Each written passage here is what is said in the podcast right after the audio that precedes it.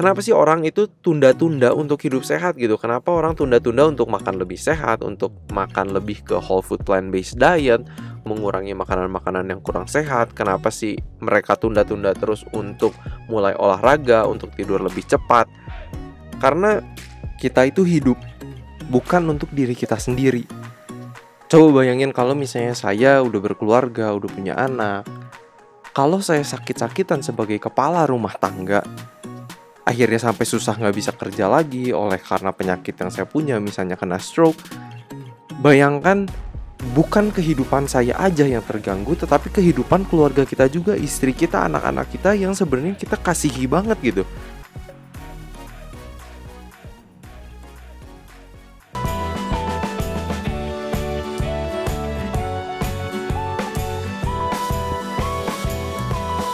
Hai, gue Willy Yonas. Selamat datang di podcast Sehat Seutuhnya. Halo semuanya, selamat datang lagi di podcast Sehat Seutuhnya bersama saya Willy Yonas. Saya mau mengucapkan selamat tahun baru 2021. Nggak kerasa banget kalau kita sudah sampai lagi di tahun 2021. Saya nggak tahu buat kalian apakah tahun 2020 itu good year atau bad year? Apakah rencana-rencana kalian dalam sekolah, dalam cari kerja, dalam bisnis, apakah itu berhasil atau enggak? Tapi kalau saya sendiri, saya masih bisa bersyukur. Saya kemarin sempat cari waktu juga untuk uh, look back, untuk mereview dari Januari sampai Desember 2020 apa saja yang sudah terjadi, apa saja project-project yang udah accomplished dan salah satu hal yang saya paling bersyukur adalah di Desember 2020 kita sudah memiliki sekitar 16.000 downloads di podcast sehat seutuhnya. Uh, kita sudah jalan sekitar satu tahun 4 bulan. Um, honestly se sejujurnya ini more than expected. Saya nggak sangka kalau pendengar podcastnya bakal sampai sebanyak ini. So thank you so much buat teman-teman yang selalu setia mendengarkan podcast sehat seutuhnya dan kemarin juga saya uh, merasa sangat sebenarnya tidak layak ya uh, melihat bahwa teman-teman ada yang nge-share di Instagram story-nya, uh, wrap up-nya dari Spotify gitu kan dan um, ada yang mendengarkan podcast sehat seutuhnya berjam-jam, ratusan bahkan ribuan menit um, dan it's humbling. Uh, it's honestly humbling uh, buat saya secara pribadi. Uh, saya semoga informasi atau konten-konten yang kita produksi kita buat ini akan terus menjadi uh, bermanfaat menginspirasi buat teman-teman semua. Dan sekali lagi keunikan dari podcast sehat seutuhnya itu adalah kita selalu uh, mengupas research mengupas penelitian. Jadi kita berkomitmen untuk memberikan evidence based information um, mengangkat mengupdate kalian dengan hasil-hasil penelitian terbaru karena itu masih saya lakukan terus saya masih bacain jurnal-jurnal terus uh, setiap minggunya untuk update ilmu untuk berbagi terus juga. Karena banyak sekali informasi kesehatan di luar sana yang mungkin uh, banyak dipercaya orang tetapi apakah itu based on science atau enggak um, itu yang harus kita selalu cek gitu kan. Jadi Thank you banget buat teman-teman yang udah share podcast ini ke teman-temannya, ke keluarganya, bahkan ada yang eh, ngehubungin kita juga bahwa kalau ngeplay podcast sehat seutuhnya selalu di play ketika lagi di mobil bareng orang tua. Uh, karena kita juga pengen banget orang tua kita ini mempunyai kesehatan yang optimal banget gitu kan. Dan mungkin uh, episode podcast ini uh, ini kita akan gunakan untuk nge-review juga nih tahun 2020. Tapi episode podcast kali ini saya kasih judul kenapa sih tunda-tunda terus untuk hidup sehat? Karena banyak hal yang saya alami di tahun 2020 ini dan inilah yang membuat saya banyak berpikir kenapa sih orang itu tunda-tunda untuk hidup sehat? Gitu. Kenapa orang tunda-tunda untuk makan lebih sehat untuk makan lebih ke whole food plant based diet untuk makan lebih ke banyakin sayur dan buahnya, mengurangi makanan-makanan yang kurang sehat. Kenapa sih mereka tunda-tunda terus untuk mulai olahraga, untuk tidur lebih cepat? Why? Karena kita itu hidup bukan untuk diri kita sendiri. Coba bayangin kalau misalnya saya udah berkeluarga, udah punya anak. Kalau saya sakit-sakitan sebagai kepala rumah tangga, akhirnya sampai susah nggak bisa kerja lagi oleh karena penyakit yang saya punya, misalnya kena stroke. Bayangkan bukan kehidupan saya aja yang terganggu, tetapi kehidupan keluarga kita juga, istri kita, anak-anak kita yang sebenarnya kita kasihi banget gitu. Jadi dengan melakukan hidup sehat, sebenarnya kita sedang melakukan sesuatu yang unselfish atau tidak mementingkan diri sendiri.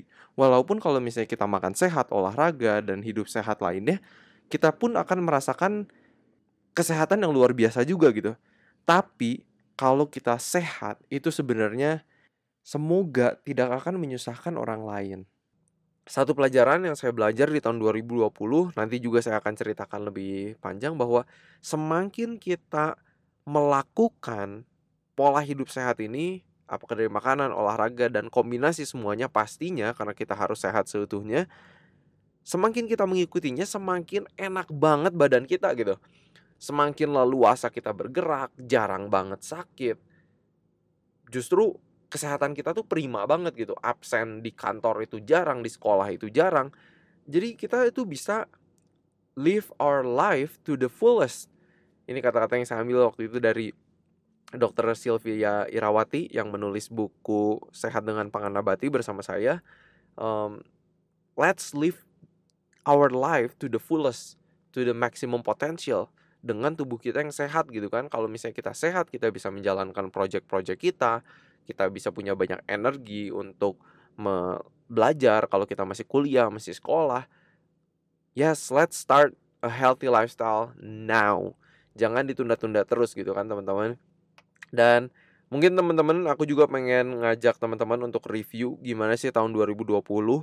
Apakah kalian catat berapa kali kalian sakit di tahun 2020, berapa kali misalnya kalian gak enak badan, berapa kali kalian kurang fit. Um, saya encourage ini untuk uh, teman-teman untuk mencatatnya karena dengan mencatatnya kita bisa benar-benar tahu gitu berapa kali sih kita sakit dan uh, berarti itu kalau misalnya kita sering sakit misalnya tahun ini kita udah batuk pilek misalnya lima kali well maybe we should do something gitu kan jadi uh, bisa dilihat juga apakah kita tahun ini sempat absen kerja atau enggak jadi kuliah oleh karena sakit dan apakah tahun ini juga teman-teman nih udah sempat menyempatkan diri untuk cek darah belum nih? Uh, buat teman-teman terutama mengingatkan orang-orang tuanya yang uh, usianya mungkin udah lebih lanjut, udah di umur 40 50-an atau bahkan 60-an, 70-an. Uh, ingatkan mereka untuk cek darah secara rutin. Minimal setahun sekali, tapi kalau udah punya kondisi tertentu pasti uh, dokter juga akan menyarankannya apakah kalau kondisinya sudah lebih terkontrol itu tiga bulan sekali apakah enam bulan sekali uh, tolong diingatkan untuk dilakukan karena itu juga penting banget jangan sampai penyakitnya udah lebih parah duluan kita nggak ngelakuin apa-apa kita nggak tahu karena kita nggak cek lab jadi jangan sungkan-sungkan untuk cek ke dokter uh, itu encouragement saya juga dan coba review juga tahun 2020 apakah kalian ini sudah uh, moving toward whole food plant-based diet um, kepada makan makanan nabati apakah sudah meningkatkan asupan sayur dan buah, kacang-kacangan, biji-bijian dan juga mengurangi makanan proses dan juga uh, makanan hewani, daging, dagingan, telur, susu dan yang lainnya. Kita juga bakal ngangkat topik lebih banyak lagi di tahun 2021 ini uh, lebih dive in lagi ke uh, research-research lagi mengenai bagaimana makanan dapat mempengaruhi kesehatan kita. Dan juga coba dilihat tahun 2020 bagaimana exercise kita, apakah kita ini olahraganya cuman di bulan Maret aja di awal Covid doang semangatnya udah gitu setelah Covid uh, berjalan kita juga slacking lagi jadi males lagi untuk olahraga apakah kita itu olahraganya cuman musiman ini kita perlu review juga karena sekali lagi moto dari sehat seutuhnya adalah gaya hidup seumur hidup. Jadi gaya makan sehat, olahraga sehat, tidur yang cukup itu seharusnya menjadi gaya hidup kita yang seterusnya seumur hidup yang kita adaptasi untuk selanjutnya. Jadi bukan cuma musiman.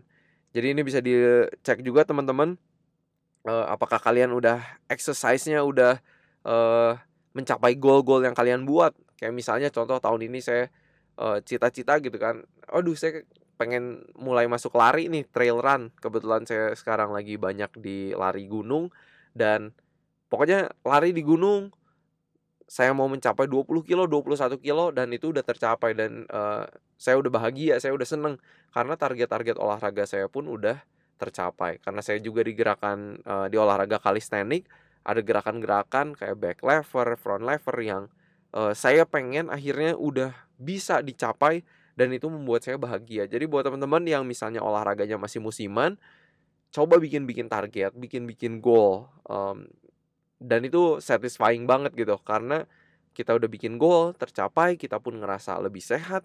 Um, asik banget. Kayaknya punya badan yang enak untuk digunakan uh, untuk gerak gampang itu enak banget.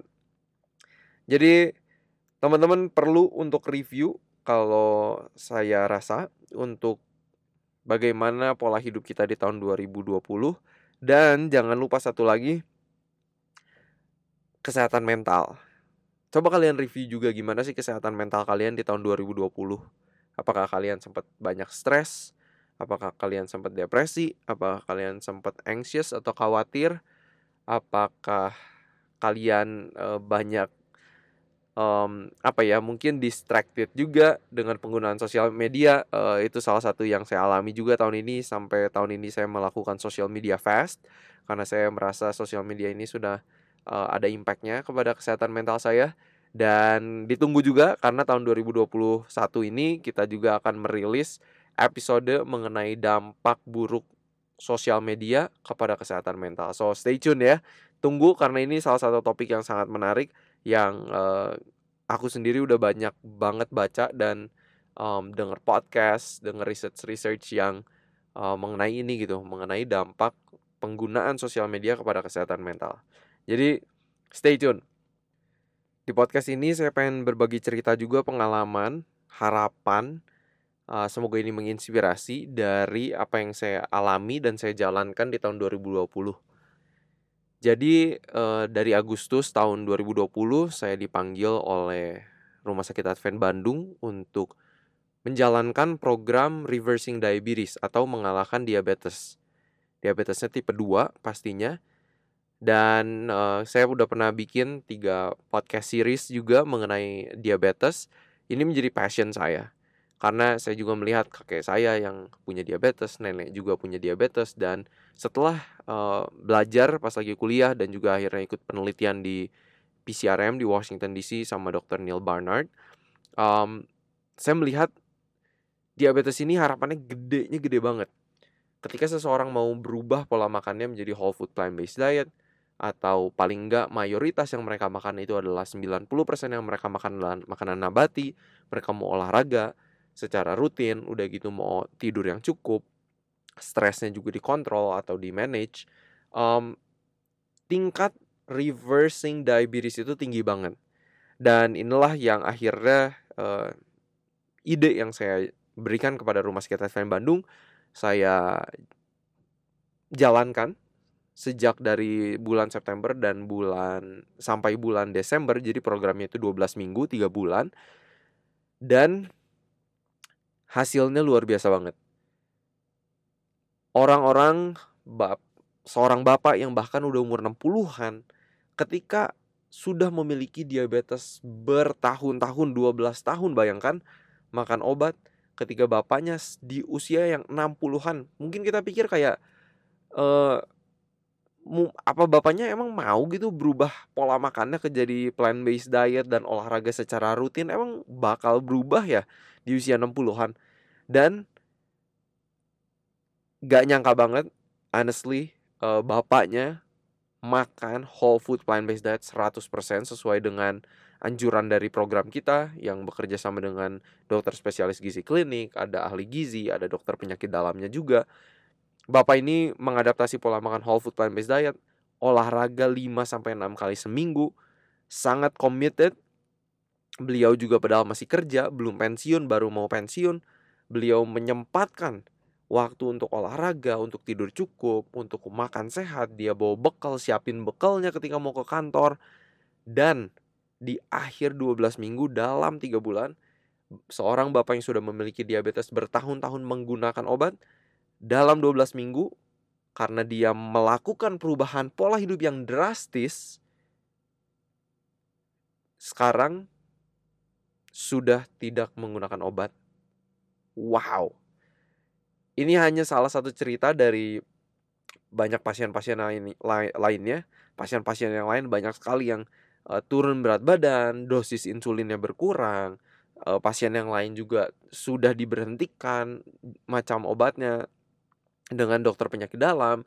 Ada juga yang dari dua macam jenis obat akhirnya menjadi satu jenis macam. Dan dengan melihat ini saya makin yakin setiap hari semakin yakin bahwa pola hidup merupakan solusi. Perubahan pola hidup merupakan sebuah solusi jika kita mau memiliki kesehatan yang lebih sehat. Kalau kita mau memiliki kualitas hidup yang lebih baik. Kalau kita mau live our life to the fullest. Pola hidup sekali lagi powerful banget. Makanya kenapa di Amerika sudah ada spesialis kedokteran lifestyle medicine karena perubahan pola hidup adalah obat. Ini dapat mencegah kita buat kita yang belum punya penyakit apa-apa dan semoga tidak, tapi ini dapat juga menjadi obat bagi orang-orang, bagi orang tua kita, om tante kita, orang-orang sekitar kita yang mungkin sudah memiliki diabetes, hipertensi, sakit jantung, uh, dan penyakit yang lainnya gitu. Jadi dengan melihat pengalaman saya tahun ini bersama Rumah Sakit Advent Bandung, ini baru batch yang pertama. Jadi batch yang kedua akan kita lanjutkan di tahun 2021 juga program diabetes dan sekali lagi kalimat yang sama berulang-ulang dari mulut para peserta program ini bahwa wow ternyata saya bisa mengalahkan diabetes saya ketika saya mau merubah pola hidup saya.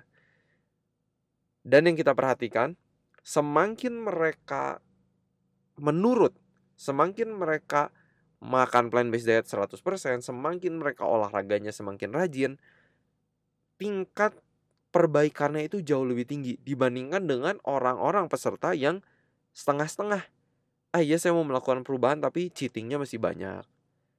Ah iya saya mau melakukan perubahan tapi olahraganya aduh masih berat. Masih nggak bisa uh, misalnya 5 sampai 6 kali seminggu. Yes, di akhir program mereka sudah ada kemajuannya. Walaupun kemajuannya tidak sebanyak orang-orang yang sangat menurut. Makan whole food plant based diet, olahraga 5 sampai 6 kali seminggu, tidur cukup dan yang lainnya. Jadi kenapa sih kita mau tunda-tunda terus untuk hidup lebih sehat?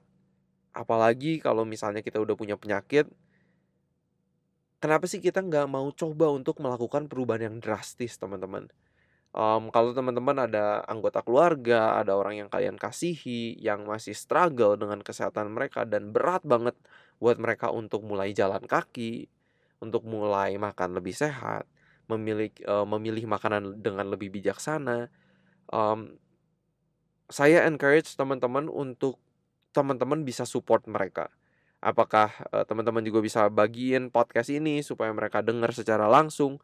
Apakah teman-teman juga bisa uh, do something? Uh, teman-teman bisa belajar masak, akhirnya bisa masak makanan yang sehat dan enak buat mereka. Apakah teman-teman jadi ngeluangin waktu untuk olahraga bareng sama mereka? Um, itu challenge saya buat teman-teman yang mendengarkan podcast ini, podcast sehat seutuhnya. Coba bagian informasi kesehatan yang teman-teman udah dapat dari podcast ini atau dari mana pun.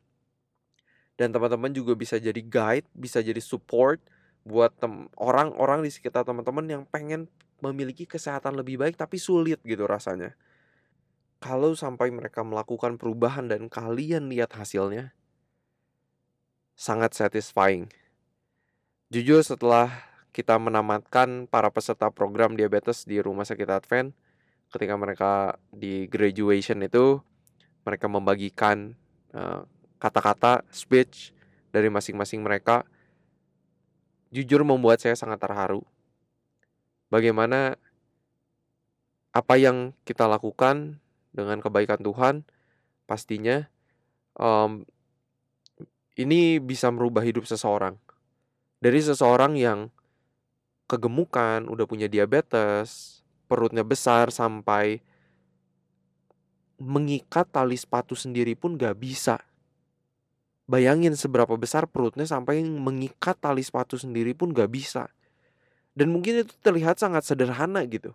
Tapi setelah saya pikir-pikir, setelah saya ngobrol sama mereka, mereka bilang setelah saya ikut program ini, saya weight loss, dosis insulin bisa turun, dan akhirnya saya bisa mengikat tali sepatu saya sendiri. Saya bisa gunting kuku kaki saya sendiri. Bayangin teman-teman, itu hal sederhana, kebiasaan sederhana dalam keseharian kita. Kalau saja kita bisa melakukannya lagi karena kita memperbaiki kesehatan kita, alangkah bahagianya mereka. Dan jujur saya sangat-sangat terharu, saya udah pengen nangis banget uh, mendengar cerita mereka karena mereka bilang thank you. Terima kasih atas informasi yang sudah dibagikan. Terima kasih sudah menjadi support. Terima kasih sudah mengayomi kami gitu kan kayak me menggait kami selama 12 minggu bersama-sama. Hidup kami sudah berubah sekarang. Dan semoga teman-teman itulah yang saya pengen teman-teman rasakan dan alami juga di kehidupan teman-teman mengajak, membuat mentransformasi orang-orang di sekitar kita yang mungkin sudah sakit tapi akhirnya bisa memiliki kesehatan dan kualitas hidup yang lebih baik oleh karena teman-teman membagikan informasi, teman-teman jadi guide buat mereka, teman-teman jadi support buat mereka. Jadi apa yang teman-teman belajar dari podcast sehat seutuhnya itu bisa bermanfaat juga buat orang lain, bukan cuma buat diri sendiri. Tapi mungkin ada juga kebiasaan-kebiasaan dari hidup kita yang kurang sehat yang masih perlu kita ubah. Tetap coba membuat perubahan sedikit demi sedikit atau langsung membuat perubahan drastis sehingga teman-teman bisa mengalami kesehatan, kemajuan kesehatan yang luar biasa dengan lebih cepat. Itu ajakan saya. Apakah dari hal makanan, apakah dari olahraga, jam tidur, stres dan yang lainnya, kita juga terus harus membuat perubahan memiliki perilaku kesehatan, kebiasaan-kebiasaan kesehatan yang lebih baik. Saya ulang lagi, don't make perfection as the enemy of progression. Mungkin kita nggak perfect gitu dalam melakukan perubahan pola hidup. Tergantung situasi kita gitu kan, kita ada di mana. Tapi terus make progression. Jangan tunggu sampai mau perfect baru kita mau melakukan gitu. Kalau misalnya kita sekarang baru bisa olahraga 20 menit per harinya, start from there gitu kan. Jadi jangan tunggu kayak aduh cuman punya 20 menit, saya nggak mulai olahraga deh. Saya tunggu saya sampai saya punya waktu 45 menit baru saya mulai olahraga. No, start dari sekarang kalau misalnya cuma punya waktu 20 menit, start dari sekarang. Memang belum sempurna, belum sesuai dengan keinginan kita, cita-cita kita, tapi start jangan tunda-tunda terus. Itu pesan saya buat teman-teman. Jangan tunda-tunda terus untuk hidup lebih sehat. Well, itu yang saya mau bagiin di episode podcast pertama ini di tahun 2021. Semoga teman-teman mem sudah memiliki uh, acara tahun baru, mungkin kumpul sama keluarga dengan protokol kesehatan ya pastinya ya. Dan semoga teman-teman memiliki kesehatan yang lebih optimal, lebih baik di tahun 2021. Saya juga pengen dengar-dengar cerita kalian kalau misalnya teman-teman ada perbaikan dalam hal kesehatan atau keluarganya menjadi lebih sehat. Boleh kontak kami di Instagram kami @setuhnya supaya kita juga boleh mendengar cerita-cerita itu karena cerita-cerita seperti itulah yang uh, akhirnya bikin saya tuh keep going dalam melakukan ini. Ketika saya melihat kehidupan seseorang transform, uh, itu sangat satisfying uh, untuk apa yang kita kerjakan di sini uh, berbagi ilmu supaya orang-orang bisa sehat tidak mengalami apa yang kakek saya alami seperti uh, sakit jantung, diabetes, stroke, hipertensi itulah yang ada di keturunan saya, di kakek nenek saya dan saya harap itu bisa dicegah di kali kehidupan kalian dan juga di kehidupan keluarga kalian. Dan ingat bahwa kita hidup bukan untuk diri kita sendiri, tapi kalau kita sehat, kita bisa menjadi berkat bagi orang lain dan juga semoga tidak akan menyusahkan orang-orang yang kita kasih di dalam kehidupan ini. Kalau gitu, harapan saya seperti biasa, semoga kita sehat seutuhnya.